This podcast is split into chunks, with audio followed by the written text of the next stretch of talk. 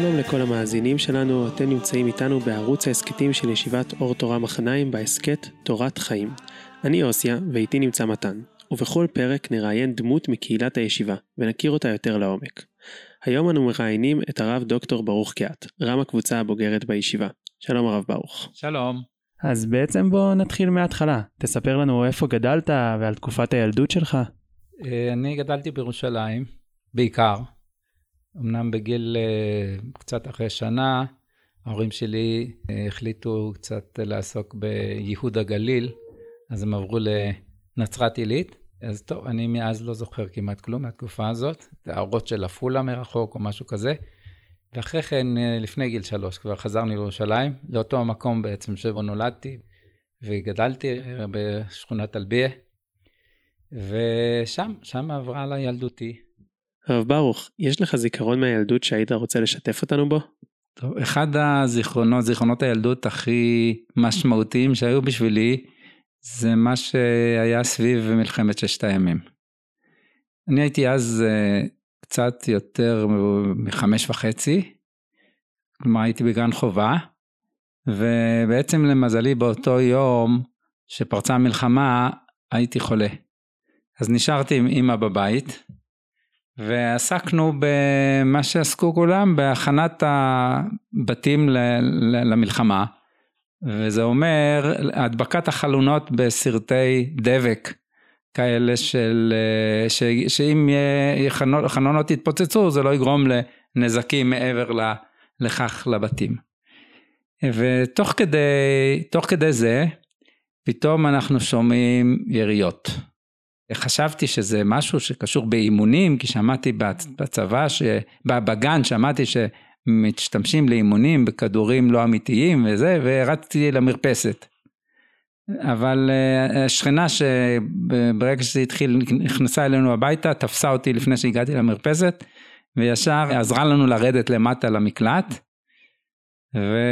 וככה ישבנו במקלט, אבי היה מגויס אז, ואז הייתי בעצם רק עם אמי ואחותי הקטנה שהייתה ממש אה, בת שלוש, ואחי באותו יום, אחי היה בכיתה א', והוא היה צריך להגיע, ואמי הייתה מאוד מאוד מתוחה, היה צריך להגיע לחזור מבית ספר. בסופו של דבר הגיע, איכשהו הגיע, היה צריך לרוץ בין הכדורים, היה לא פשוט. להיצמד לקירות כדי לא להיפגע. מה שאני זוכר, כשישבנו שם במקלט, היינו שומעים אה, מטוסים למעלה ושואלים את אימא שלי, זה, זה שלנו, זה שלהם? אז היא כמובן כדי להרגיע אותנו, ענתה לו, כן, זה שלנו. אה, כמובן שהיא צדקה, אבל היא לא יכלה באותו זמן לדעת את זה. מה שאני זוכר אחרי כן, אחרי שכבר הוכרז על שחרור ירושלים, ואפשר היה כבר לצאת מהמקלטים, אז עלינו, עלינו למעלה למרפסת העליונה שלנו, ושם, זו אותה מרפסת ממנה אפשר היה לראות את החומות של העיר העתיקה, ורק שעד אז ידענו ששם מעבר יש את הכותל, אבל הפעם אה, מן הרגשה כזאת ש, שיש לנו גם את הדרך ואת האפשרות אה, להגיע אליו. או אירוע מאוד מאוד מרגש מאותו זמן זה חג השבועות, שכן, שחל שבוע ימים אחרי היום של שחרור ירושלים. עד אז הספיקו כבר לפנות את, אה, את הכותל מכל ה, מה שהיה שם, הבתים, החורבות שהיו שם, ליצור רחבה, די רחבה, וראינו, הצטרפנו כמובן להמון שבהמוניו הגיע בחג להתפלל בכותל, ולראות את אה, הנהר, נהר האדם הזורם הזה לכיוון של הכותל, אני זוכר את המחזה הזה, ואת ההתרגשות שליוותה את, את כל האירועים האלה. היית אומר שהמלחמה הייתה חלק, אה, או אולי הניצחון במלחמה היה חלק משמעותי בילדות שלכם שם בירושלים, בחוויה. כן, כן, אני זוכר, כל הכבוד לצה"ל, הסיסמה הזאת שהסתובבה ומצעדים, מצעדים הצבאיים שהיו אחרי כן. לפני כן גם, אז אני פחות זוכר. בעצם בישיבה התיכונית אתה למדת בישיבת נתיב מאיר, נכון? כן. אז אולי תספר לנו קצת על השנים האלו, בישיבה התיכונית, אולי חוויה ראשונית של אה, לימוד. חוויה ראשונית של לימוד הייתה עוד לפני, ביסודי, ב... למדתי בבית ספר דוגמה, דוגמה עוזיאל, לדוגמה עוזיאל, משהו כזה. אני זוכר שאהבתי ללמוד גמרא. בעצם אולי זה, זה צריך להזכיר עוד לפני כן. הקשר ל, ללימוד הגמרא קשור מאוד לאבא שלי, זיכרונו לברכה. אבא שלי היה אדריכל, תכנן לא מעט נגיד בתי כנסת אפילו פה באזור, בית כנסת של כפר עציון, בית כנסת של נווה דניאל, זה תכנונים שלו. ועוד כל מיני דברים הוא תכנן. בזה הוא עבד, אבל uh, הזמן שהרגשת שהזמן שלו ב, ביום זה הזמן שהוא יושב מול הגמרא ולומד עם הניגון שלו, שאני לצערי לא זוכר אותו, תענוג לשמוע. ראינו עד כמה זה היה דבר משמעותי בשבילו. לא, לא רק משמעותי, זאת אומרת זה ברור שזה מה שעושים, יש זמן, זה מה שעושים. לומדים עוד מסכת ועוד מסכת, וככה זה. וככה הוא גם אה, העביר לכם הילדים? הוא היה לומד איתכם ביחד? הוא התחיל ללמוד איתנו, אחי אה, נהיה בר מצווה, אז הוא למד איתו מסכת מכות. ואני הייתי בר מצווה, אז הוא למד איתי מסכת. לא לקראת הבר מצווה, אלא דווקא אחרי הבר מצווה. ואני לא זוכר איזה מסכת שהוא למד איתי, זה אני לא זוכר. אני זוכר שאני בעצמי אחר כך קיבלתי מסבא שלי, אז התחיל לצאת שטיינזלץ. אז קיבלתי מסבא שלי, אז היה רק הכרך הראשון, היה ברכות, ואז למדתי משטיינזלץ אה, לבדי את מסכת ברכות. מעניין שהמסכת השנייה שיצאה על ידי הרב שטיינזלט הייתה מסכת סנהדרין. הוא הוציא אותה לכבוד מדינת ישראל. שראה את המסכת הזאת כמשהו שיכול להיות בסיס להנהגה של המשפט במדינת ישראל אולי. כבר ביסודי אהבתי ללמוד גמרא. הייתי מדבר עם אבי זיכרונו לברכה לפעמים על מה שלמדתי שם. בכיתה ח' אני זוכר שהיה לנו מורה, קראו לו הרב יצחק אלפסי. הוא היה בחור מישיבה חרדית, ואני הרגשתי שהוא לימד מעבר למה שקודם ראיתי בגמרא, וממש אהבתי את זה. אני חושב, אני חושב שזה אחרי היסודי, אני הרגשתי שהגמרא נתנה לי חיזוק גדול באמונה. אני מאוד התפעלתי מהיסודיות וה, והחוכמה שמצאתי בה. וכל זה כבר ב, בעצם מהבית, בשלב הילדות כן, ולאורך כן, כן. הלימודים. כן. אז הגעתי לנתיב מאיר, שם זה כמובן התקבל בצורה יותר חזקה, העניין של הלימוד, והיה לנו רמים חרדים בעיקר. הרב שלנו בחמישית היה מאוד קשוח, כולנו, היה מין תחושה של פחד בשיעור. אגב, ביסודי היו מחביצים מכות. כן, אז עוד היה, לא יודע אם מותר, לא יודע, זה מה שעשו. אה, אני לא חטפתי, שם בנתיב אומר לא היה דבר כזה, היה איזה מורה אחד, אני זוכר שנתן איזה סטירה לחבר שלי, אבל אה, זה בדרך כלל לא היה, בטח לא הרמים, אבל היה תחושה מאוד מפחידה. בכיתה המקבילה לימד, אה, היה, הרם שלהם היה הרב דרייפוס, הרב יאיר דרייפוס. ואיך שקינאנו בהם, וואו, איזה תענוג היה להם. בלי מכות. לא, לא, בכלל לא היה שם מכות, אבל בלי הפחדות גם. היה אווירה מפחידה בשיעור של הרם שלנו. אבל בכל אופן היה תובעני מאוד, יש סדר, לא אומרים לך מה לעשות בסדר, זה לא כמו ש... לא פה ולא כמו בישיבת תיכונית היום, אלא אתה, אתה צריך ללמוד את הגמרא עד מכאן עד כאן, צריך ללמוד גמרא רש"י תוספות, לא גמרא, גמרא רש"י תוספות, מהחמישית כבר. אתה צריך להגיע לשיעור, הוא נותן לך לקרוא, אתה צריך לקרוא כמו שצריך, אתה צריך לדעת, כן? זה מה שהיה. אז נגיד מישהו הקשה איזה קושייה שנגיד התוספות שואל, זה לא מעלה.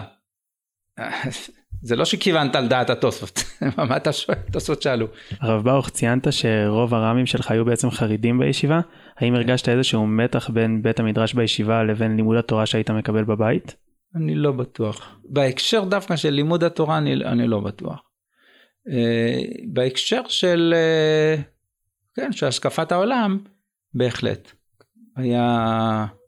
תחושה כזאת גם של אה, קצת ריחוק יותר מרמים שהם, שהם חרדים, אף על פי שחלקם היו כאלה שהיו, ביצעו אותם בבני עקיבא ואחר כך אה, התחרדו בשלב מאוחר יותר, אבל אה, אני חושב שהיה מין תחושה כזאת.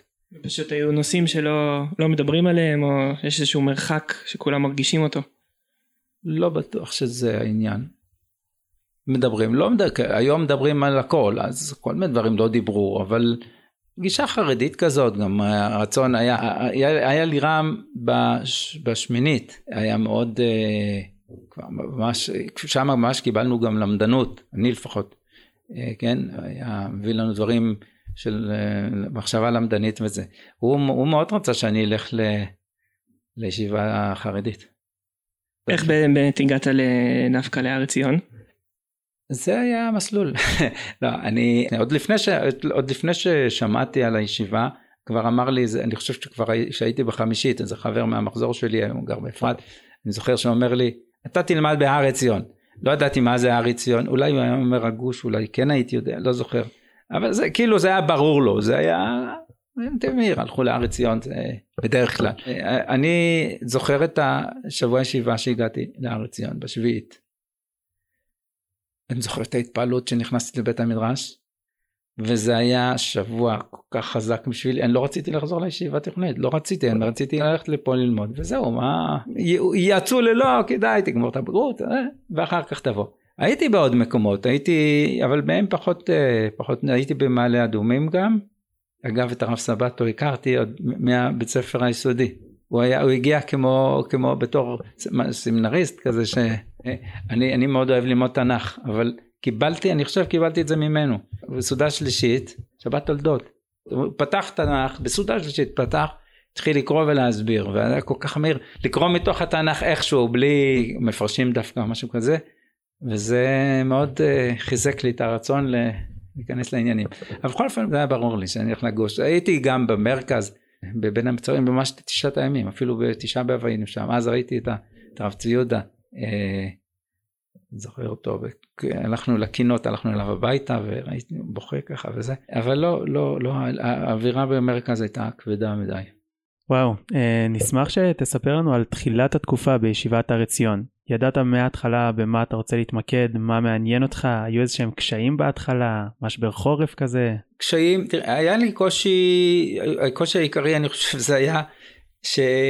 לא להיות בבית הרבה זמן כי אני לא יודע איך זה קרה בנתיבי רוב רוב האנשים היו בפנימייה לא יודע למה אני קיבלתי רשות לא להיות בפנימייה לא הייתי בפנימייה הייתי מגיע כל בוקר באוטובוס ואז בעצם היה לי פעם ראשונה שאני יותר משבוע לא בבית כן שלושה שבועות ב, בישיבה ואז מגיעים הביתה.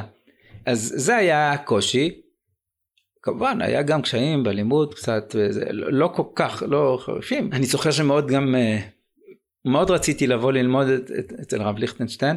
בישיבה התיכונית היה לנו במחזור מישהו לא משנה את השם היה מאוד התחבר לנושא הזה של הלימוד וקרא את הספר אישים ושיטות ומאוד התחבר לרב חיים מבריסק ולשיטה שלו וגם היה מסתובב אצל גדולים והוא הכניס את ההתעניינות הזאת ורציתי מאוד להגיע ומאוד השתוקקתי לזה למדתי בשיעור א' אצל הרב בלומנצוויג, מתישהו באמצע זמן חורף אני חושב פגשתי באיזה חתונה את אותו אחד אותו חבר מהמחזור ואז שאל אותי איך הולך? מה הולך? אז סיפרתי לו אז הוא אמר רגע אתה לא לומד אצל הרב ליכטנשטיין? אמרתי לו אני שיעור א' אז הוא אמר לך לרב ליכטנשטיין תגיד לו שאתה באת בשבילו לישיבה שאתה רוצה להיכנס וללמוד אצלו טוב אז עשיתי משהו כזה אבל uh, לא הוא לא הסכים לא, זה צריך ללמוד uh, זה כמו כולם ו, ודווקא מאוד היה מאוד נהניתי בזמן קיץ אצל הרב בלומנצוויג uh, אבל לקראת שנה ב' אז שיעור ב' אז הוא כבר uh, כבר אפשר לי משיעור ב' בעצם הייתי אצלו בעיקר אצלו. אז בעצם הם, הדמות המשמעותית בשבילך בישיבה הייתה הרב ליכטנשטיין. לא בהקשר של הלימוד בהחלט כן. דווקא בהקשרים האחרים הרב עמיטל היה בהקשר הרוחני והשיחות שלו הרבה יותר התחברתי לרב עמיטל, כן, יש הרבה סיפורים. דווקא ממנו חטפתי לא מעט. הוא היה מאוד מתנגד לעירוב של אה, דברים רעיוניים מחשבתיים בתוך הלימוד גמרא, כן.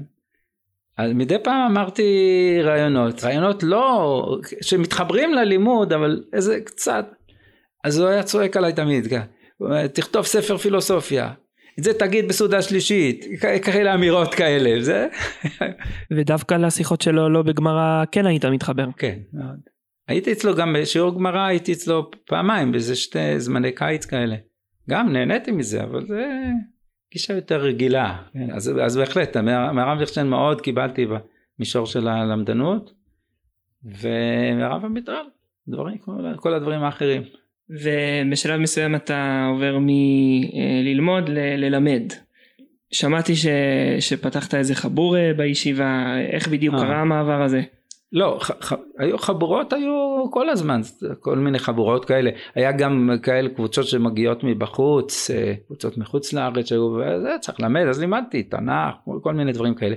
אה, עשיתי חבורה אורות הקודש אני חושב מתישהו, ובתנ"ך, פעמיים היה לי חבר, הרב שאול היה אצלי בחבורה בתנ"ך, כן?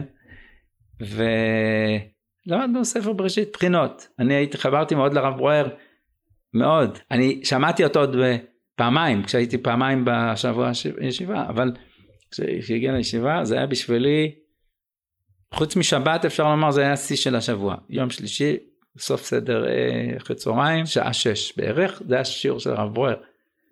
זה היה בשבילי חוויה מיוחדת.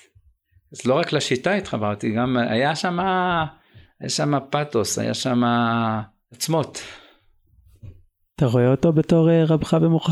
הרב ברואר? כן, בהחלט, בהקשר הזה של לימוד אה, תורה, תנ"ך, בעיקר תורה, תנ"ך הוא פחות לימד שמה, כן, בהחלט, בהחלט. אה, אני אספר משהו שקשור לרב עמיטל ובו, שני דברים. מהרב עמיטל קיבלתי הרבה פעמים משפחת אלים, אז אחד מהם היה, אני נתתי פעם דבר תורה באוכל, קצת ככה עם פתוס, ואחר כך בהמשך השבת הרב עמיטל עובר לידי באיזשהו שלב, אולי לפני מנחה, אומר לי לא אמרת כלום. טוב, הייתי בהלם, טוב, ניגשתי אליו, אני חושב למחרת, לשאול, שיסביר לי. אז, אה, אז הוא הסביר לי, ואז הוא אמר לי, תשאל את הרב ברואר, תשאל את הרב ברואר. ואז אני שואל את עצמי, רגע, מה, הרב ברואר זה שלי, לא שלו, מה, מה לו ולרב ברואר? לא ידעתי שהוא, הרי הוא והרב ברואר היו ידידים, ידידי נפש ממש, מההיכרות שלהם בחברון, ממש ידידות מאוד עמוקה וחזקה, והוא הביא את הרב ברואר לישיבה. המאמר הראשון שפרסמתי בכלל, אני חושב, בחיים שלי, זה היה לקראת סוף שיעור א', כתבתי מאמר על שתי בחינות, אה, או שלוש אפילו, במעשרות ובבכורות. ופתחתי את זה עם אה, שיטתו של מורי הרב ברויר, משהו כזה בפתיחה. בכל אופן יצא הספר, במכללת הרצוג הם הוציאו ספר אה, על שיטת הבחינות של הרב ברויר ועשו ערב השקה בישיבה. אה, ממש היו שם הרבה אנשים וזה כמובן הרב, עמיטל הגיע, ערב מרשים ואז כשאנחנו יוצאים אז הרב עמיטל רואה אותי ואומר הוא הרי הרב שלך, הוא הרב שלך. ואיך היה לך באמת להתחיל ללמד בעצם המעבר הזה?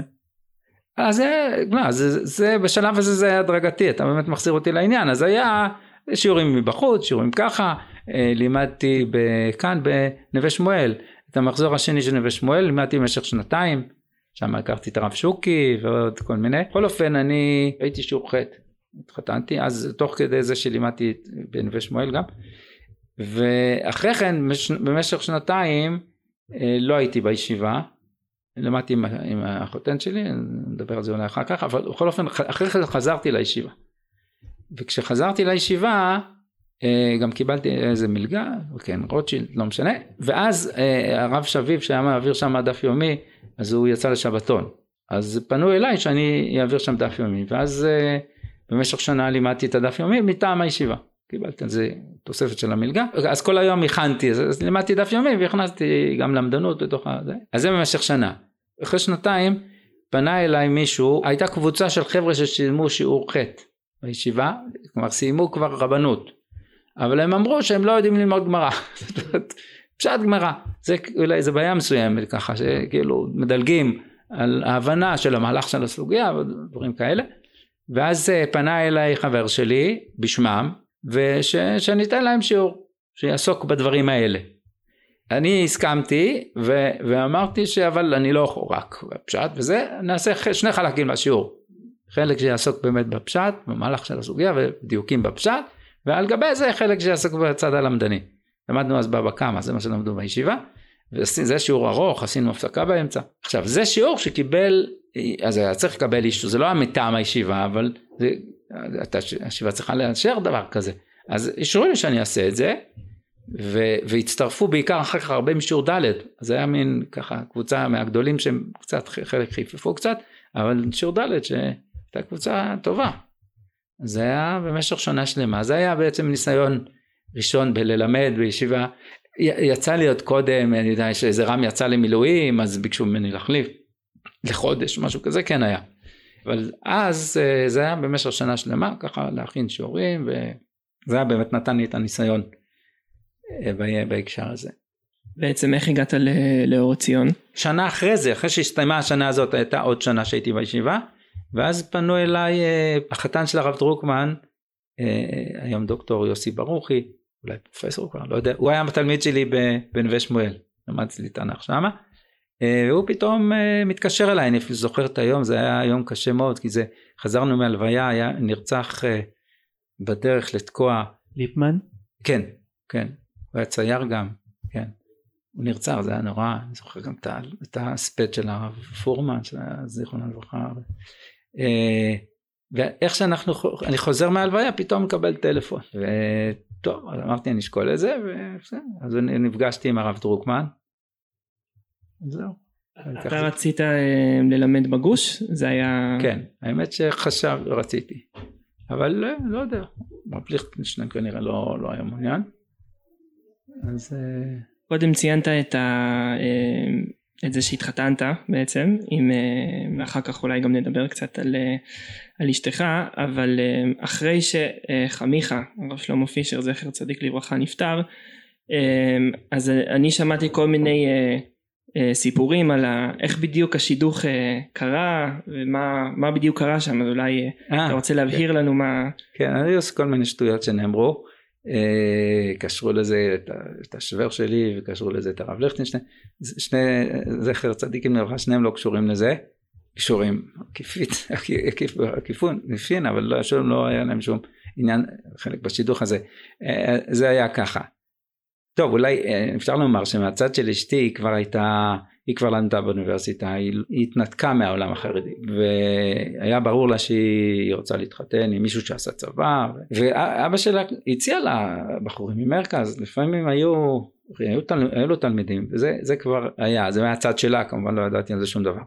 איך באמת התחיל השידוך? אז אולי נתחיל ממשהו זה השטחן היה בעצם איזה בחור מהגוש במחזור של הרב שאול שהוא חתם 55 עזב את הישיבה ב, אני חושב באמצע שיעור א' שלו, עזב את הישיבה ו, ומדי פעם אבל היה מגיע לישיבה לבקר. בחור לא כל כך ככה מעורה בחברה, אבל תמיד כשהוא היה מגיע, אני חושב, כל פעם שראיתי אותו הייתי מקבל את פניו, מה שלומך ואיך הולך וזה, בלי שהיה לנו איזה קשר מיוחד או משהו כזה.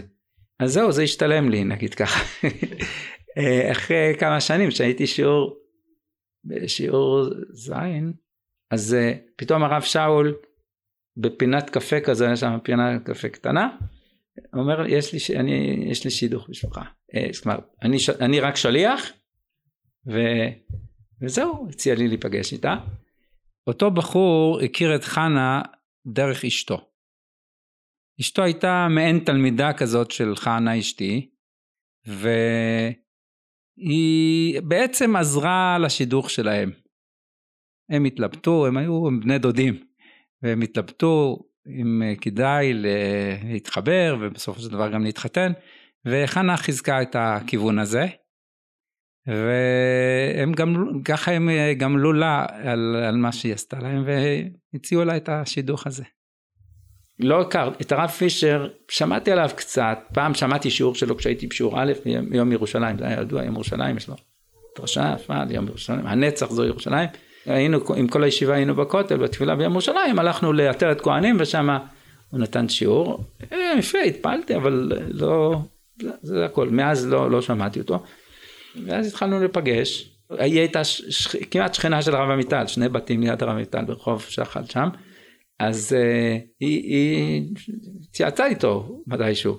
אז כשבאנו לספר אחרי שהתארסנו באנו לספר לו אז הוא מסתכל עליי אומר לי לא קלקלתי והאם היו איזה שהם קשיים? זאת אומרת בכל זאת חתן ציוני מבחינת המשפחה היה איזה שהם קונפליקט? לא, לא חושב, אני לא הרגשתי שום דבר. רק כדי לסבר את האוזן של המאזינים, אה, פרופסור חנה קהת, אשתו של הרב ברוך, היא מחלוצות הפמיניזם הדתי בארץ, מהמקימות של ארגון קולך. אה, איפה אתה בכל הסיפור הזה הרב ברוך? זה תמיד היה חלק מהעולם שלך? אז תראה, אני הייתי פמיניסט לפניה. אה, לא באמת היא הזכירה לי לא מזמן אימא שלי בסך הכל הייתה היא מגישה פמיניסטית היא הייתה עקרת בית כן היא לא עבדה רק יותר מאוחר אבא שלי היה אדריכל והיא הייתה בבית עם הילדים ו... אה, ורק יותר מאוחר אה, היא הצטרפה גם כן למדה את העבודה והצטרפה לעזור לו במשרד, עזרה לא מעט, אבל זה בשנה יותר מאוחר. אבל דברים שככה לא היו נשמעים טוב מבחינת היחס לנשים, אז היא הייתה מתקוממת. אז אני שמעתי את זה מהבית. אז אשתי סיפרה לי, לא, לאחרונה דווקא, היא הזכירה לי, לא זכרתי, ש, שפעם, שעוד לפני שחנה הייתה פמיניסטית, אז היא אמרה איזה משהו כזה, אז אמרתי, אני, אני שמעתי, אמרתי לה שאני שמעתי את זה לא מעט מאימא שלי, גם עכשיו, גם ממך. אז זה עוד לפני השלב של הפמיניזם שלה. וזה התחיל כמין קבוצת תמיכה, כי באמת אנשים הרגישו לא, הרגישו שהם מקבלים כבוד במסגרות אה, אקדמיות ועוד כל מיני מסגרות, ודווקא בעולם הדתי הם מאחור, והיה פה תחושה מאוד לא, לא נעימה, והקימו מין קבוצת תמיכה, ומתוך זה קם, קם גם הארגון הזה, קולך. מה זאת אומרת קבוצת תמיכה? הייתם נפגשים במקום מסוים? הם, הם, הם היו נפגשות, לא יודע בדיוק, אני לא יודע, אתה לא זוכר. אבל זה, זה לא, לא באו והחליטו אנחנו עכשיו מקימים ארגון של נשים, זה בא מתוך, אה, בהתחלה סתם, אולי, אולי זה לא נכון להגיד קבוצת תמיכה, אבל אה, פגישות כאלה שעוסקות ודנות בעניינים כאלה, ואז החליטו בשלב מסוים על הקמת הארגון הזה, קולך. לאורך השנים אה, היו ביניכם מחלוקות או שתמיד הסכמתם? כן, לא תמיד הסכמנו, לא, כן, היו דברים שהיו גם דברים וגם ביטויים שקשורים בהלכה, בתורה, שהיו, זה היה קשה לי לשמוע. כמו מה למשל? אני לא יודע, לא זוכר עכשיו. אבל מה, זה לא צריך להפתיע, מה, תחפש בגמרא דברים שהם, שלנו קשה לשמוע אותם, אז אה, ודאי שלאנשים עוד יותר קשה לשמוע. אז לפעמים האמירות יכולות להיות אה, בוטות כנגד זה. אה, בכל זאת, בזמנו הפמיניזם הדתי היה בראשית דרכו. האם המוסדות שבהם לימדת, האם היה להם איזושהי בעיה עם זה? אה, אני מניח שכן, אבל לא, ש... לא שבילו צעדיי או משהו כזה, כן? באור עציון, פה נגיד כמובן שחנה מגיעה, כולם ירצו שהיא תיתן שיעור וזה ברור, וממש בשנה הראשונה בארוחה, אז הבנות שלי הגיעו וזה, אז הבת שלי אמרה דבר תורה פה בסעודת שבת, הבת שלי אמרה דבר תורה. באור עציון, לא, אז, אז לא רק, חנה לא יכולה לתת שם שיעור או משהו כזה, זה לא היה. בסדר. גם אני לא, באורט אני בעיקר מצאתי את עצמי בתחום הלמדני, אה, קצת תנ"ך גם, אבל לא בתחומי המחשבה וזה, זה היה בשדה של הרב זורקמן, לא, פעם אפילו, חושב שזה היה בשנה הראשונה שלי, דיברתי על, על העניין של, של האופציה הזאת שאולי יש פרשת והם שמוע, אז אמרתי שזה עוד רלוונטי, זה יכול להיות רלוונטי, זה לא פרשה שלגמרי ירדה מהפרק. יכול להיות עוד איזה גלות, זה לא, השאלה איך נתנהג. אז הרב זורקמן יצא אחר כך, לא, לא, לא אמר לי, אבל הוא עשה שם איזה שיחה ארוכה על כך שאין גלות שלישית ואין שום... זה. ההבדל בעצם נבע מזה שאתה לא, לא גדלת ב, בבתי מדרש של הרב קוק? לא בטוח, אפשר לומר של הרב צבי יהודה. הרב קוק, אני מאוד, הוא ההוגה הדעות, היו האישיות שאני מחובר אליה הכי הרבה. בגוש, כשהייתי, הגעתי לשיעור א', אה, היה שם הרב יובל, יובל שרלו היה אה, שיעור ה', הוא נתן, אה, היה לו חבור, כמו שאמרנו, כל מיני חבור, דווקא הבנתי שזה לא, לא כל כך היה באישור של הישיבה, לא יודע, אבל נתן חבור באורות התשובה. זה ממש ממש חיבר אותי מאוד לרב קוק, ו, וניסיתי, אני זוכר, בשישית פעם לפתוח ספר של הרב קוק, לא הבנתי מה קורה שם. אבל בשיעור א' ממש התחברתי מהר מאוד, עברתי לאורות הקודש כי זה לא הספיק לי הדברים האלה, זהו, זה נתן לי חיים. סיום היום שלי היה ללמוד אורות הקודש וזוכר, פגשתי את הרב ראם אז, הוא אומר, מה זה, עשר דקות ללמוד הרב קוק, וזה נותן לך כוח לכל היום, או משהו מהסוג הזה. אז זהו, אז זה, זה לא שממש מחובר מאוד לעולם, זה העולם שהרבני שני שייך אליו, אבל אה, בסדר, בתחום של הפמיניזם אז הרב קוק זה לא, אם כי פרופסור תמר רוס שהיא כתבה את הספר אז הכותרת שלו היא לקחה מהרב קוק, כלומר הכיוונים, הדרכי ההתמודדות באמת לקוחים ממנו, אבל באופן ספציפי ליחס לנושא של הפמיניזם אז הרב, קוק אה, לא נמצא בקדמת. שמוכיחה. נכון, נכון, נכון. באמת בקשר לפמיניזם הדתי, מה אתה חושב שהייתה פריצת הדרך הכי גדולה בתחום? בוא נגיד, אני לא יודע, הכי גדולה, הכי חשובה, ודבר שלכאורה לא היה צריך להיות תלוי והיה צריך להיות מוסכם ומקובל, זה ההתמודדות עם הפגיעות, הפגיעות המיניות. זאת אומרת, אה, גם חנה, לא זוכר, היה כנסים של קולך, אני לא חושב, חושב שזה הכנס השני, שהיא התייחסה לזה, שדיברה, רצינו לטפל בנושא של המעמד של האישה בתפילות, בבתי כנסת ודברים בבתי המדרש, ופתאום משום מקום פרץ לנו העניין הזה של הפגיעות, פגיעות המיניות והסרבנות הגט, הגינות, אלה שני הדברים, וזה הפך להיות הדבר הכי קשה והכי מרכזי והכי חשוב והכי דחוף שטיפלו בו. זה לכאורה היה צריך להיות קונסנסיוס, ודווקא שם הרדיפות הגדולות נגדה. קשה, היה מאוד מאוד קשה. והם הקימו, הם, הם הובילו להקמה של פורום תקנה. הם פרשו ממנה כשהם ראו שהם לא מטפלים בזה כמו שצריך, אז הם פרשו משם. והפורום קם, זה אחרי שהם טיפלו בעצמם בכל מיני דברים, והם גם ממשיכות לטפל, ודאבוננו הדברים האלה ממשיכים. אז מבחינת החשיבות, זה הדבר הכי חשוב. כי פה מדובר ממש, דיני נפשות, זה לא מליצות, זה ממש דיני נפשות. כן? ובמבט לקדימה, יש איזשהו יעד שאתה חושב שהוא אה, מרכזי בתחום הזה? אותם פריצות דרך שדיברנו עליהם הם צריכים צריכים ל, ל, ל, להתקדם. הנושא של סרבנות הגט הנושא של הנה עכשיו אנחנו ממש עוסקים בסוגיית גט מעושה שיעור של היום. אז uh, הנושא הזה של הסכמי קדם נישואים הם ממש הם מאלה שקידמו את זה מאוד. זה, זה הולך ומתקדם. בדיוק שאלתי השבוע את אשתי על, על האם יש כבר סטטיסטיקות עד כמה באמת זה מצליח למנוע. אז היא אומרת כן הוא אומר כמעט אין סרבנות שקשורה אנשים שחתמו על ההסכם הזה כמעט אין סרבנות אה, בארץ אפשר לומר שזה בגלל שבדרך כלל אנשים שחותמים הם כאלה שמראש לא הם לא כאלה שיעשו סרבנות מבחינת הגישה שלהם. אבל בחוץ לארץ בארצות הברית זה מקובל שפשוט לא עושים דבר כזה לא, לא נותנים לא אה, מסדרים קידושין למי שלא חותם על הסכם כזה וזה עוזר, זה עוזר בצורה מוחלטת, אפשר, כמעט לגמרי מוחלטת. הפריצת דרך נעשתה, אבל אצלנו פה בארץ עדיין לא, חלק גדול לא חותמים, ראוי, כן, ראוי לחתום. אני חושב שהרב ריסקין לא היה, היה מסדר קידוש רק למי שחותם. כן, הרב וילק נדמה לי גם. אני, אז... בתקופתכם כבר היה הסכמי קדם נישואים? לכם יצא לחתום לא, על אחד כזה? אה, יצאנו לחתום על משהו כזה בתור אה, ככה בשביל העידוד של העשייה הזאת של אחרי לפני כמה שנים. אבל אבל לא לא אז לא היה דבר כזה. לא היה. את ההסכם של קולך החושך שלי חת... מאוד תמך ברעיון הזה. כי בתור דיין ובבית דין הוא ידע שזה כלי שמאוד יכול לעזור לדיינים. כי מאוד נזהרים מגט מעושה שיטת רבנו תם ש...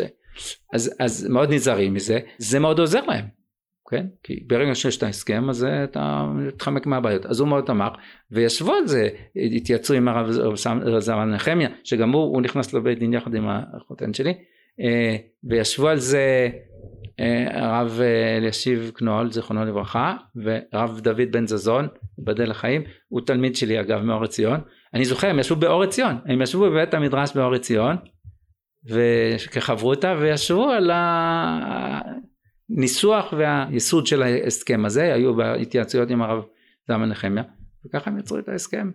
אולי נחזור לדבר על החותן שלך אז בעצם סיפרת שלא כל כך הכרת אותו לקראת החתונה לא הייתה לך תודעה שאתה משתדך עם היה לי תודעה כזאת הבנתי שמעתי על גדולתו אבל בהחלט שמעתי אבל לא באופן אישי לא לא הייתי שם לא התחברתי. ו... אז רק נסבר את האוזן של המאזינים, אה, הרב שלמה פישר זכר צדיק לברכה, היה אה, מראשי ישיבת איטרי וניתן לומר עליו בהחלט שמגדולי תלמידי חכמים אה, שהיו בדורנו. אז אולי תספר לנו קצת על איך הקשר ביניכם נבנה לאורך השנים, באיזה מידה הוא השפיע עליך. אחרי, ש... אחרי החתונה מיד אני ביקשתי ללמוד איתו חברות פעם בשבוע עוד למדתי בגוש גרתי בירושלים, אמנם גרנו גם בשכונתו של הרב עמיטל, אז גם נסעתי איתו לישיבה. למדתי בגוש, אה, אבל פעם בשבוע הייתי בא אליו אחרי צהריים ללמוד איתו, קבוע. הבית ישי אגב יצא בדיוק אה, כשהתארסנו, אז יצא הספר בית ישי במהדורה הראשונה. הוא כתב לי הקדשה לברוך יקירי שי בהצטרפך לבית ישי. זה היה... זהו, אז זה ככה עד סוף אותה שנה. אחרי אותה שנה החלטנו שאנחנו נגור בירושלים, ואז כבר החברות התרחבה ליום יום, יום יום, זה מה שעשיתי, למדתי אצלו, הייתי כאילו נחשב אה, תלמיד של איטרי, בשביל איזה צרכים אני לא זוכר מה, הייתי מגיע ונמצא אצלו בחדר, לומד איתו כל יום, איזה שלוש, ארבע שעות, ממש יום יום, עברנו על שף מייטה ועוד כל מיני דברים. למדנו, פעם בשבוע למדנו אה, עם עוד חברותה את אור השם. כדי לקראת הוצאת הספר אז הוא צריך עוד פעם לעבור ללמוד אז למדנו יחד את זה וקצת קבולה, קבולה, לא זה קבולה זה היה עם איזה קבוצה אז זהו אז היה קשר מאוד מאוד חזק וכמובן כל פעם כל הזדמנות גם אחר, כך טוב אז אחר כך חזרנו אמרתי לכם חזרתי לארבע שנים לגוש ואז אחר כך הייתי כבר עם באור ציון אז מבחינה זאת התקופה הזאת של החברותה הסתיימה כמעט לגמרי בשלב מסוים שכבר הצטברו לי המון המון הערות על הבית ישי ככה עודם בידי אז, אז הייתי בא אליו פעם בשבוע אחרי צהריים ויושבים ביחד לעשות תיקונים של הבית ישי ואחרי זה יצאה המהדורה השנייה שחלק ממנה יש כמה סימנים שממש השתנו בעקבות הלימוד הזה שלנו. יש עוד כל מיני הערות שלא הגענו אליהם וכל הזדמנות של חתונה זה פגישות כאלה הייתי משתדל לשבת לידו ולשוחח ולדבר זה היה מיוחד. וואו איזה זכות אה, אפשר לשאול למה דווקא אור השם מכל הראשונים שעוסקים 아, אה, במחשבה? כי הוא רצה הוא רצה נגד הרמב"ם כי הרמב"ם הפך להיות הפילוסוף של היהדות ואור השם הוא יצא כנגד האריסטוטליות ואז לכן הוא ראה כנכון לחזק את, ה, את הכיוון הזה. היה לו תוכניות מעבר. בסוף זה יצא שמוציא את הספר בצורה שאפשר לקרוא אותה, כי לפני כן זה היה מאוד קשה. אני לא הכרתי את הספר לפני כן. בכל אופן, התוכנית שלו הייתה להוסיף ביאורים, הוא רצה לקרוא לזה קטעים מתוך אה, אה, רב שמחה אה, אוירבך, עמודי המחשבה הישראלית, יש לו ספר שלם על אור השם, אז הוא רצה להוציא קטעים משם, לקרוא לזה זהב שווה, שווה שמחה בונם אוירבך. וחוץ מזה רצה לעשות מעבר לזה שיטה מקובצת של מחשבה שזה יהיה מסביב לספר הזה זה היה התוכנית שלו אז זה לא יצא. אגב בסיום כשסיימנו סיימנו את אור השם אז הוא אמר על זה את הפסוק כאילו במנימת אכזבה כזאת את הפסוק ביחזקאל הזה מרעיש הארץ היית רוצה להמשיך אולי את הפרויקט של השיטה המקובצת במחשבה? לא, זה לא אני, אני לא, אני לא, בטח לא ברחי, זה לא... תפנה, יש פה כאלה שהם יותר אה, בעלי מחשבות. אז בעצם נשמע שהוא באמת אה, השפיע עליך הרבה וספגת ממנו המון. היית מגדיר אותו כמורך ורבך? בהחלט, בהחלט, ברור. ברור, מלווה אותי, כן, כמובן. יש את הדברים שלא לא הלכתי בדרכו, כן? גם מבחינת הרחבות אופקים שלו וה, וההיכרות שלו עם כל מיני דברים, כן? נושאים של ביקורת המקרא, הוא ידע, הוא היה בעניינים, כן? הכיוון של, נגיד שאחר כך הלכתי בכיוון של המחקר התלמודי, אז אה, הרי הוא התנגד לזה, הוא יצא נגד זה, אבל הוא אמר בעצמו, הוא אמר זה אמת, זה אמת אבל לא חינוכי. זאת אומרת מבחינת החינוך של התלמידים אז זה, זה, זה דברים התפרסמו גם בסוף הכרך של ה... אז היה, היה את הפולמוס הרבדים. אז הוא היה מאלה שחתמו נגד אבל הוא הדגיש הוא חתם הוא לא כתב דברים אחרים האחרים לא האמינו בזה. הוא אומר זה אמת אבל זה לא חינוכי ואתה חתם סופר שלא לא חינוכי ללמוד תנ"ך או משהו כזה אז, ויש אה, בסרט שהרב אה, ורדי עשה על הרב שגר אז יש, יש בעצם את הפעם היחידה שהוא הסכים שיצלמו אותו. הרב שקר היה תלמיד קרוב שלו ולכבודו וכבוד האלמנה אז uh, הרב שגר היה בלי, בלי שהוא כלומר לא למד באוניברסיטה או משהו כזה תלמוד אבל הוא אבל הוא ממש אה, היה למד כמו חוקר תלמוד ממש הוא עושה את ההבחנות בין הרבדים וכל זה אז, אז יצא בשיחה הזאת לעלות לא, לא פעם עלה הנושא הזה ושם באמת החותן שלי דיבר על כך. שזה נכון שזה אמת אבל אה, זה לא טוב זה, זה יזיק זה יפריע ללימוד זה וכולי. אז פה אתם יודעים שלא הלכתי בדרך הזאת. בסרט עצמו הוציאו רק קטע קטן וזה חבל מאוד. אבל אבל בסרט השלם שהוא נתן לנו אחרי הפטירה לראות, לראות את זה אז שם הוא הרב השוור שלי מתישהו ככה מתרכך ואומר כן אולי כן אולי צריך אולי ככה משהו כזה. לאורך השנים הוא העיר לך על זה? לא שום דבר. אבל את הדוקטורט שלי הוא לא קרא. דיברת קצת על אה, רבותיך ומוריך שפגשת בחיים, אה, נשמח שתספר קצת על אה, רבותיך ומוריך מפי ספרים.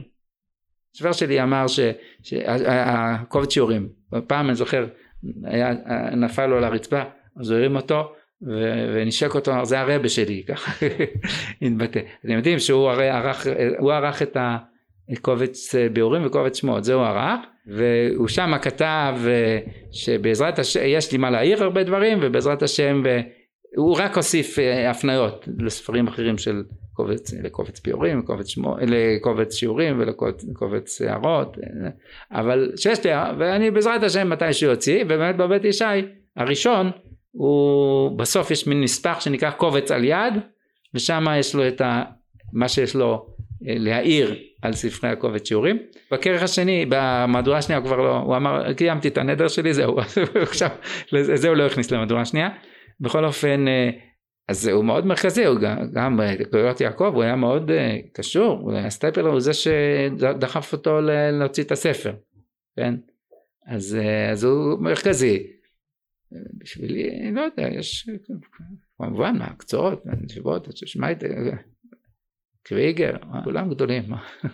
דיברנו קצת על העולם הדתי ועולם הישיבות, אולי נעבור קצת להקשר האקדמי שלך. למאזינים נספר שהרב ברוך כתב דוקטורט לתלמוד באוניברסיטת בר אילן, הדוקטורט עוסק בנושא המוציא מחברו עליו הראייה וזמין לכל המעוניינים באתר אסיף. הרב ברוך, מתי התחלת להתעניין בלימודי מחקר? במחקר התלמוד, אה, האמת זה עניין כבר בגוש, אף על פי שזה היה כמובן לא, כאילו מחוץ לתחום ופחות או יותר, אה, אבל כן, פה ושם החבר'ה התעניינו. אה, המאמר של צ'מה פרידמן על אה, המבוא למאמר על הפרק הישנה רבה, ראינו אותו, קראתי אותו, לא יודע אם את כולו, את כל המבוא, את המאמר לא, אבל את ההקדמה הארוכה והחשובה. והאמת היא שבמחזור שלנו למד אפרים הלבני, הבן של פרופסור הלבני, ואני לא, לא חושב שהוא זה שארגן, אבל אה, אולי כן, יכול להיות שהוא ארגן את זה. מתישהו, כשאני הייתי בשיעור ה' או ו', ארגנו לנו מפגש עם, במחתרת, כן, עם הפרופסור הלבני, בביתו, והיה מאוד יפה, מאוד מרשים. אה, במחתרת זה אומר שהרב ליכטנשטיין לא, לא ידע מזה. זה, הוא לא ידע את זה. למה בעצם הפנייה למחקר קרתה מאיזשהו מחסור או שבר בלימוד הגמרא לא, לא הרגיל? לא, ממש לא. לא, ממש לא. גם uh, אני זוכר איזה נסיעה שהיה לי עם, uh, עם הרב מרדכי סבתו ידידי. הוא כמה שנים מעליי בישיבה. פעם נסענו לבר אילן, היינו צריכים, לא יודע, להשתתף באיזה סימפוזיון, בהקשר דווקא לתנ"ך, לימוד תנ"ך. והוא שאל אותי, בלימוד תנ"ך, אני שיטת הבחינות, ו... כן, זה מבוסס על, על, על המחקר. אז הוא שאל אותי, איך זה שאני, ש, שאני ככה גמרא, מה, מה עם המחקר של התלמוד, כן, שהוא כבר היה ממש בתוך העניינים האלה. ואגב, הוא אמר, בהספד לרב ברויר, שעשו איפשהו, נדמה לי, ב, כן, בבית המדרש חברותא, שאני מלמד, אז, והוא מלמד לפניי, הרבה לפניי, אז בהספד לרב ברויר, אז הוא אמר שבעצם הוא תלה את העמקה במחקר או בכלל את הדרך המחקרית שלו ברב ברויר. הוא אומר שהוא, שהרב ברויר לימד אותנו, הוא קרא לזה הכבוד למילה הכתובה. אף פי שביחס לתורה שבעל פה, טוב, היא כתובה, אבל למילה, לתוכן של המילה, לכפי שהיא אומרת, ולא, אנחנו יודעים שבתלמוד יש את היוקים-טות ואת ההסברים שהם לא כל כך נכנסים לפעמים, כן, למילים, אבל הרגישות הזאת שהרב ברויר לימד אותנו בלימוד התנ"ך, אתה מעביר אותה גם אחר כך ללמוד הגמרא. אז הוא כאילו שאל אותי, התפלא, איך, איך אני בתנ"ך ככה, ובגמרא אתה רגיל, לומד רגיל. לומד, מלמד רגיל. אז לא יודע, אמרתי לו, בסדר, שם אני, שם אני לומד את המוצר המוגמר, את ה, מה שהאורחים עשו בסוף, ופה אחרת. אבל רואים שזה לא נעצר שמה. והאמת היא שמשהו, חוץ מזה שאשתי דחפה אותי גם ללכת לכיוון האקדמי, אה, היה גם שלב, אני לימדתי במכללת הרצוג, בעיקר לימדתי תנ"ך. והיה שנה, אה, עזרא קהלני, שם, אז, אז הוא אמר, היה, היה צריך מישהו שייתן מבוא לתורה שבעל פה, אז הוא פנה אליי שאני, אמרתי, אני לא יודע, אני לא כל כך בעניינים. אמרתי, תשב עם אמנון בזק, הרב אמנון, ותיכנס. בסדר, אז זה מה שעשיתי, והרב אמנון באמת עזר לי לבנות את הקורס, הוא עצמו למד ממרדכי סבתו שהיה נותן את הקורס הזה. ו... ואז התחלתי לתת אה, לא פה אלא בשלוחות באור עציון, זה התחיל מאור עציון אחר כך בירוחם, אה, מבוא לתורה שבעל פה. וזה מטבע הדברים דחף אותי יותר ל- לראות את הספרות המחקר שיש בעניין הזה. אז זה בעצם הכניס אותי יותר לדרך הזאת. ציינת שהגעת ל... ללימוד המחקרי של התלמוד דרך הלימוד המחקרי של התנ"ך וכבר דיברנו על הרב ברויר אה, יש אנשים שיגידו שמחקר אה, בתנ"ך זה מחלל קצת את הקודש. תוכל להסביר לנו קצת מהי שיטת הבחינות בשבילך? זה בשורה דתית מחקרית פרשנית. קודם כל פרשנית. היא קודם כל פרשנית וזה לא שהיא מתחילה מהכתוב מאלץ אותי זה. לא שאני אולי מבחינה מסוימת היה יותר נוח אם לא הייתי מצליח לראות את הבחינות. כן ללמוד ספר בספר דברים עצמו כשאתה לא בא ועושה השוואות בינו לבין ספרים האחרים או ספר ויקרא בתוכו עצמו קשה לו אפשר לומר שכאילו אין בחינות ויקרא זה מתחלק לשניים לא משנה ספר דברים רובו של ספר דברים אתה אתה נמצא ב, בעולם סגנוני אחד ורעיוני אחד פחות או יותר לכן כשלימדתי פה אז ספר דברים לימדתי ויקרא היה לי יותר קל זה יותר קל החיים הרבה יותר קלים. אבל, אבל כשאתה מגיע לספרים אחרים אני, אני זה, זה אי אפשר.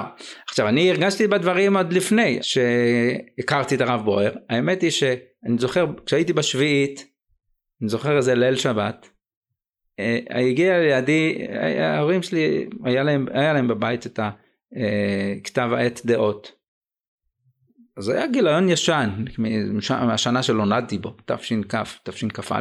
אני זוכר את הליל שבת הזה שאני יושב במטבח שם עם האור, שם היה לנו אור שנשאר גם אחרי שהשעון שבת נחבא, ואני יושב וקורא מאמר של הרב ברואר, לא, לא, לא ידעתי מי זה. קראתי את המאמר, ואני זוכר, יוצא נפעם.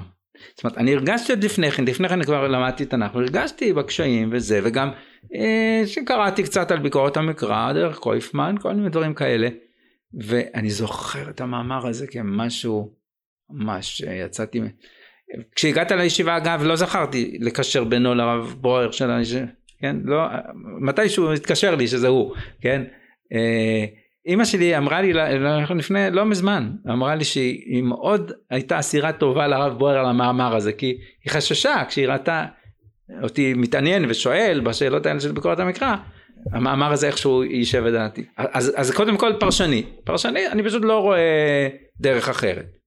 ואמוני אמוני בעיקר אני מדבר מבחינת המשמעות של זה זה, זה מסר ש, שבגוש בכלל הרגשתי אותו במישורים האחרים של, של המורכבות יותר, של לראות את הדברים בצורה יותר מורכבת ושתי בחינות ושיש לי שתי, שני ראשי ישיבה שכל כך חיים ומסתדרים כל כך באהבה וחיבה אחד עם שני אבל הם טיפוסים שונים, בעלי השקפת עולם שונה בלא מעט דברים אז הרגשתי, אז מאוד התחבר לי דווקא הבחין, שתי בחינות, זה ככה, ככה העולם האמוני הוא צריך להיות כזה, ש, שהוא מורכב ושיש פה שתי בחינות בכל דבר. אז זה הבשורה האמונית היא זאתי בדעתי. ציינת בעצם שהכתוב מאלץ אותך וציטטת קודם מפי אה, השוור שלך בעצם שזה אמת גם אה, לגבי מחקר התלמוד אה, ורק זה לא חינוכי רציתי לשאול אותך אם אתה חושב שאפשר בכלל ללמוד גמרא היום בלי זה. אפשר למה לא כמו שאפשר ללמוד את ה... מה שהבבלי רוצה בסוף שנגיע אליו. אז גם בתוך הבבלי אתה מוצא סתירות אז, אז בזה הגישות שונות. רש"י כנראה סבר שהרבה פעמים יש מחלוקת סוגיות וזה לא נורא והתוספות אה, משתדלים עד כמה שאפשר כמו שאמר עליהם המרשל שעשו את הש"ס כגדור. זאת אומרת אה, שהכל כן זה עבר כאיזה מין עריכה אחת אז אתה חייב להשלים אותה. ואז אה, לא תמיד הם מצליחים לפעמים אומרים שזה מחלוקת סוגיות כן? שתי לשונות אז, אז למה לא? בטח, כך למדו כל השנים ואפשר.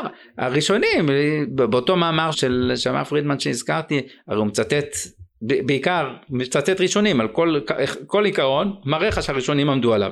אלא מה, הראשונים עשו את זה באופן ספורדי, ראו קושי מסוים, אז בסדר, לא, לא, לא מתו מה... זה לא, לא קושייה, בסדר, זה ככה, זה העורך עשה, זה, זה, והסתדרו עם זה. אה, אפשר, בהחלט אפשר, ולמה לא, אבל... אני חושב שזה מוסיף, אני מרגיש שזה מוסיף, כלומר, ואני רואה גם בזה חשיבות, כן חינוכית, זאת אומרת לראות, הרי זה, זה דורש, ההתעלמות הזאת ממה שקורה דורש ללמוד בבלי, ירושלמי משמש אותנו לפעמים כדי להבין את הבבלי, אבל ברגע שאתה רואה שלא, שהירושלמי תופס את הדברים אחרת, אז אתה גם יכול לראות שגם נקרא לזה שוב הרבדים מסוימים בתוך הבבלי הם בעצם כאלה שהם אחר כך עברו את העיבוד שמשנה את התמונה, כן? אז, אה, אז אפשר לחיות תוך ההתעלמות הזאת ו, וזה, ו, אבל אני מתקשה, ואני חושב שזה מוסיף הרבה גם ככה לראות כן את הצדדים האלה. הזכרת בעצם את הירושלמי, אתה לאורך השנים התעסקת בתחום ולימדת אה, הרבה אה, את הירושלמי, יש לך גם שיעור בישיבה, מתי התחלת באמת להכיר את התלמוד של ארץ ישראל? אה, טוב, חוץ משימוש בירושלמי שנעשה בישיבות בכלל וגם בגוש כחלק מהלימוד של הבבלי, אז לפעמים הם מתייחסים גם לירושלמי ונעזרים בו, בדוקטורט הייתי חייב להיכנס לירושלמי ותמיד אפילו כמעט תמיד כיוון שהוא קדום יותר להקדים את הדיון בו לדיון שאחר כך נעשה בסוגיות הבבלי וכמובן לעמוד על ההבחנות שבין התלמודים שאגב אה, מפרשי התלמוד הירושלמי הקדומים יותר והקלאסים נגיד של המאה ה-18 כן הפני משה קורבן העדה הם השתדלו לעשות שלום בין התלמודים כן ולפרש את הירושלמי על פי הבבלי. אבל אה, הגר"א לא נקט בגישה הזאת היפה עיניים שמפנה את כל, ה, כן, כל ההפניות שלו מהבבלי למקומות שיש בירושלמי הרבה מאוד פעמים הוא מצביע על החילוקים וההבדלים ביניהם וכמובן שזו הדרך אה, המקובלת במחקר אה, ש, ש, כן, שמנסה להיות נאמן לה של אותו דבר שאותו הוא בא לפרש אז זה חייב אותי. הרבה מאוד פעמים כן ממש ללמוד את הירושלמי להעמיק בו ולנסות להבין מה עולה ממנו. מה שבעצם אה, הכריח אותי עוד יותר להיכנס זה היה שהוא איזה קצת אילוץ אפשר לומר. אה, כפי שאמרתי קודם אני מלמד במסגרת נוספת בבית המדרש חברותא כן בית המדרש לסטודנטים באוניברסיטה העברית. ושם ראש בית המדרש חבר שלי שהיה אז אה, אז הוא שאל אותי האם אני מכיר הוא היה רוצה לפתוח חבורה של קבוצה של לימוד של הירושלמי. שם לומדים יש מסכת לומדים כל בית המדרש לומד מסכת מהבבלי ככה היה כל השנים. ורצה שיהיה גם חבורה שאת אותה, מס, ש, ש, אותה מסרת שלומדים בבבלי שיהיה חבורה שתלמד ירושלמי. ו, ואז אני הצעתי את עצמי. וזה חייב אותי ליותר ממש להיכנס עוד יותר לעניינים של הירושלמי וזה הלימוד של הירושלמי הוא קשה יותר קשה אין לנו פרשנות מסורת, מסורת עתיקה של פרשנות על הירושלמי יש בעיות נוספות של שיבושים וגם מיעוט של עדי נוסח ואנחנו פחות מורגלים בזה אז זה מאתגר, אבל יש חן מיוחד, כן, ללימוד של הירושלמי. לפעמים, בעיקר בירושלמי נזיקין, אז אני זוכר בשיעורים שם הייתי אומר להם, נו בואו נראה את כתב החידה של היום. כלומר זה ממש לפעמים נראה ככה כמו איזה כתב חידה. אה, אבל אה, לפעמים זה לא ככה, וגם כשיש כתב חידה ומצליחים איכשהו לפחות לנסות להגיע לפתור אותו, זה גם אה, מעניין. אז אולי לסיכום הנושא של האקדמיה, היום אתה נמצא בישיבה ולא בעולם האקדמיה. למה זה בעצם? Yeah, קודם כל אני לא יודע בעולם אקדמי להשתחל שם זה לא דבר פשוט אז אבל אבל אני אפילו לא ניסיתי. זה משהו אחר לגמרי הקשר קשר עם תלמידים הוויית החיים של הישיבה זה משהו אחר לגמרי זה קשה מאוד להשוות. כשהייתי באוניברסיטה אני הרגשתי שאני לומד למדתי שם תלמוד וזה אני לומד תורה במלוא מובן המילה כן אבל uh, הוויית החיים זה לא, זה משהו אחר לחלוטין, אני, זה, לא, על זה אולי לא דיברנו, על מתי חשבתי על הנושא של עיסוק בחינוך, הייתי בשישית, וכבר אז זה היה בעיניי חשוב, אני זוכר שהייתי באיזה שבוע ספר, כשהייתי אני חושב בשישית, וקניתי איזה ספר נפש הילד. בהקשר הזה חשבתי אני רוצה לעסוק בחינוך. וזה התחזק כשהלכתי כשנהייתי מדריך בבני עקיבא זה ממש חיזק את זה. כן כי הייתי סך הכל הייתי די ביישן ומה אני אדבר לפני זה. והאמת היא שאני מאוד הקומונרית שלנו בסניף מרכז לחצה עליי וישבה איתי שעתיים אני חושב כדי ללחוץ ולא רציתי ולא לא מתאים לי לא מתאים לי. הנכים השנים אחרים רצו וזה ולא רציתי ובסוף סירבתי ובבית החלטתי קיבלתי קצת אומץ ואמרתי אני אלך להגיד לה שכן. ו... והייתי מדריך של אה, צעירים אה, ניצנים ניצנים ניצנים מעלות ככה. זה היה סוף שישית. אבל זה מאוד חיזק את, ה... את הרצון הזה לעסוק בחינוך. זוכר גם שבריאיון שלי עם הרב ליכטנשטיין, שהרב ליכטנשטיין נסע לפני שבגוש, באתי לגוש, דיברתי איתו על החשיבות של, בעיניי, של הנושא הזה, וזה מאוד מצא חן בעיניי, הבנתי. אמר, כן, אני מסכים איתך, משהו כזה. אז זהו, האוניברסיטה זה משהו אחר לגמרי. אז אני לא יודע כמה אני מחנך טוב וזה, אבל... אה, דיברת על הוויית החיים בישיבה, אנו מרגישים אותה פה כל יום, אתה בעצם נחשב ממקימי הישיבה, נכון? כן. אה, רצינו אולי שתספר לנו קצת על תהליך ההקמה מהצד שלך, מה היה החלום, ממה זה נבע? אה, בעצם אני הצטרפתי לקבוצה שכבר התחילה לעסוק בזה. עזבתי את אור עציון והקדשתי שנה לדוקטורט ואז עוד לא ידעתי אבל uh, באור תורה הם החליטו על הקמת ישיבה, ישיבה גבוהה, ישיבת הסדר, ישיבה גבוהה שזה נחוץ לדור שלנו עם הגישה של אור תורה וישבו על זה כבר הרב וילק, הרב שאול שהם הכירו מ...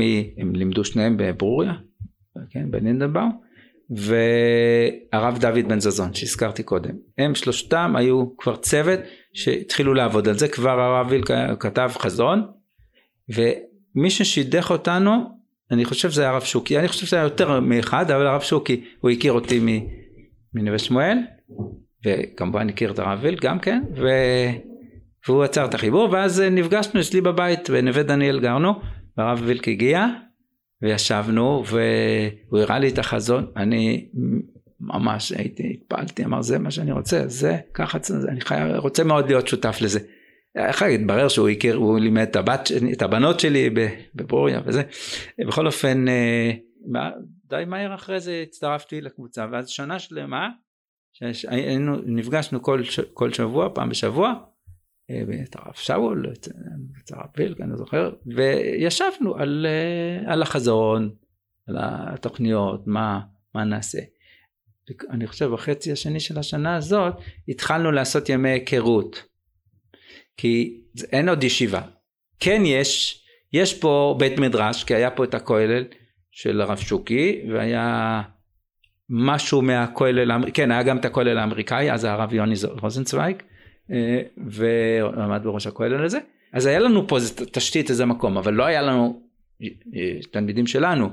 ואז uh, עשינו ימי היכרות כאלה, והיה, טל כבר הייתה פה, ועשינו טלפונים, מה שאתה עושה אז אני קצת עשיתי, ו, אבל ציפינו שנצליח יותר כבר השנה הראשונה, וזה היה מאוד לא פשוט להקים משהו חדש, וגם נגיד ככה קרוב לירושלים מילא אם אתה עושה את זה באיזה מקום שיש שם כאילו אתה יכול למכור את זה גם כאיזה מקום שגם או התיישבות משהו מיוחד בהתיישבות או בערי פיתוח או משהו זה עוד זה יכול לעזור אבל זה לא היה.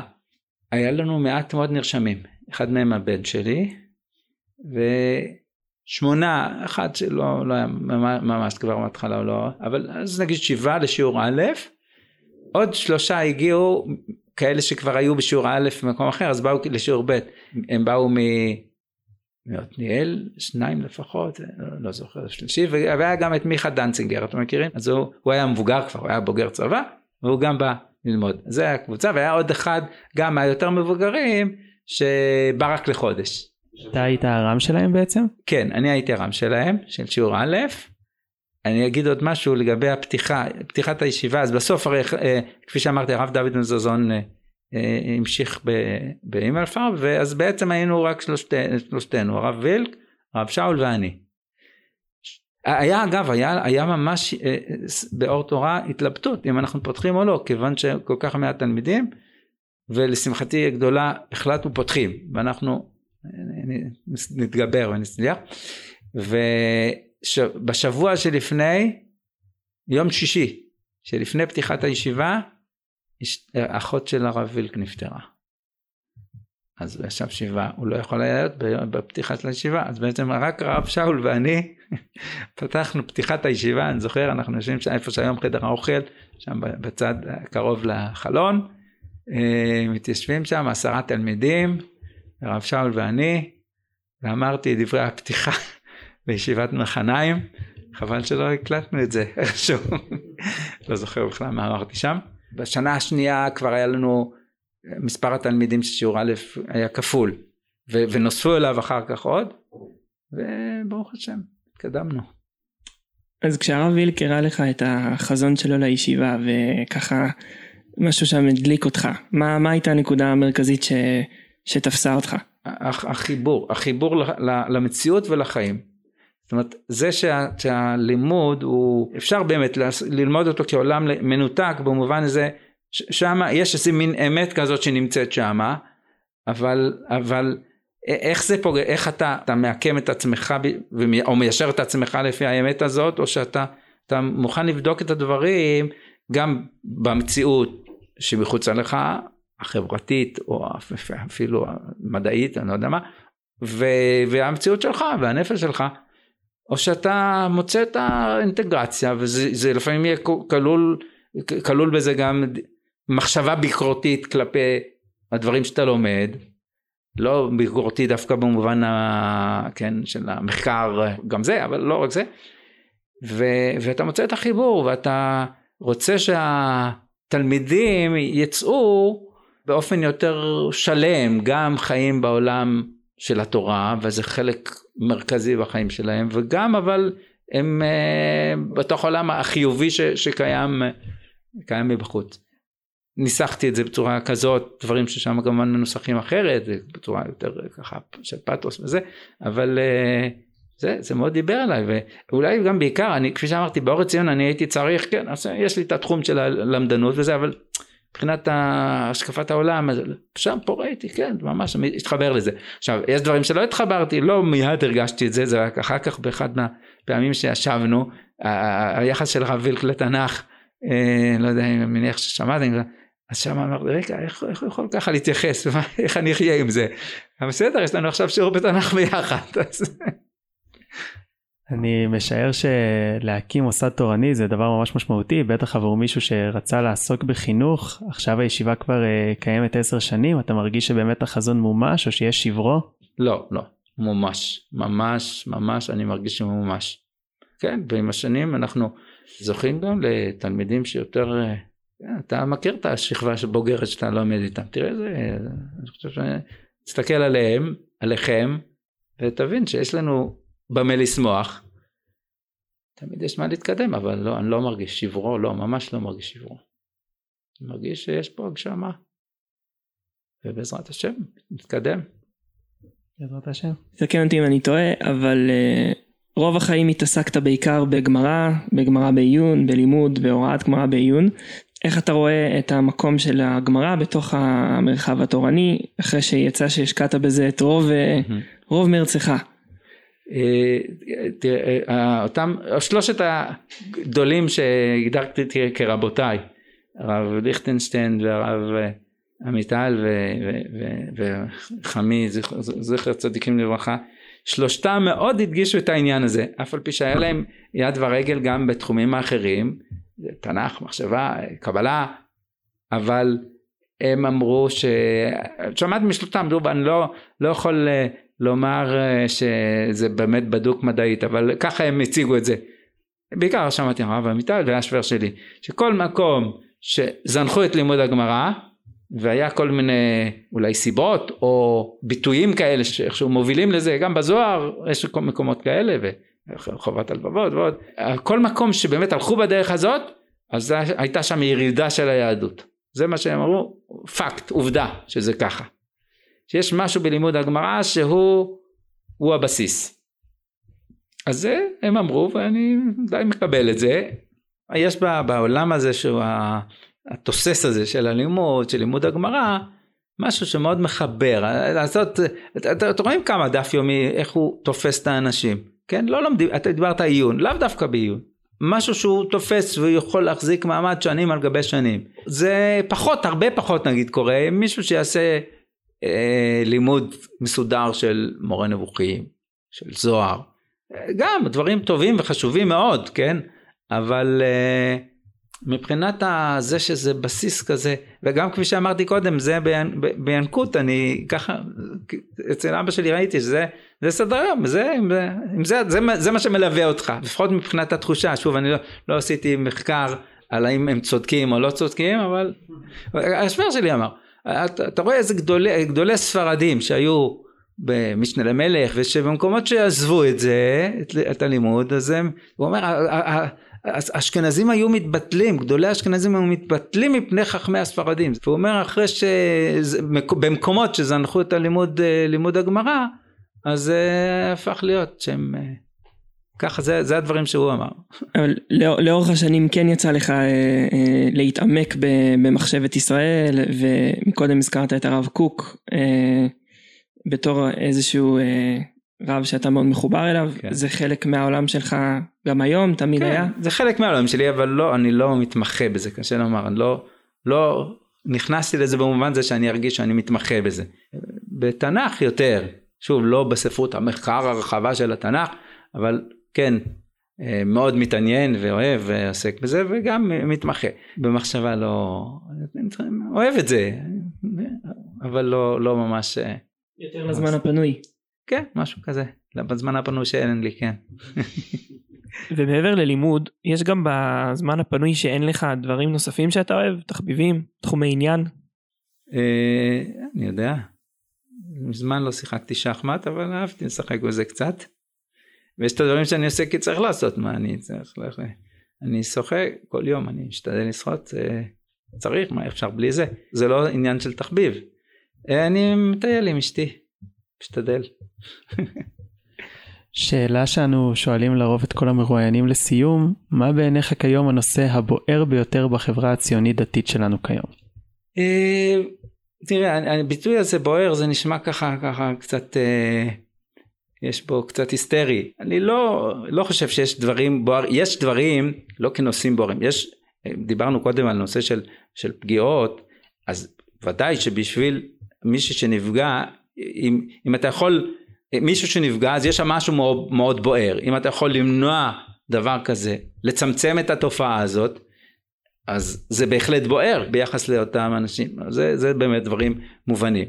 נושאים בוערים דווקא בהקשר של הציונות הדתית, לא יודע, לא יודע, לא, קשה לי להצביע על משהו.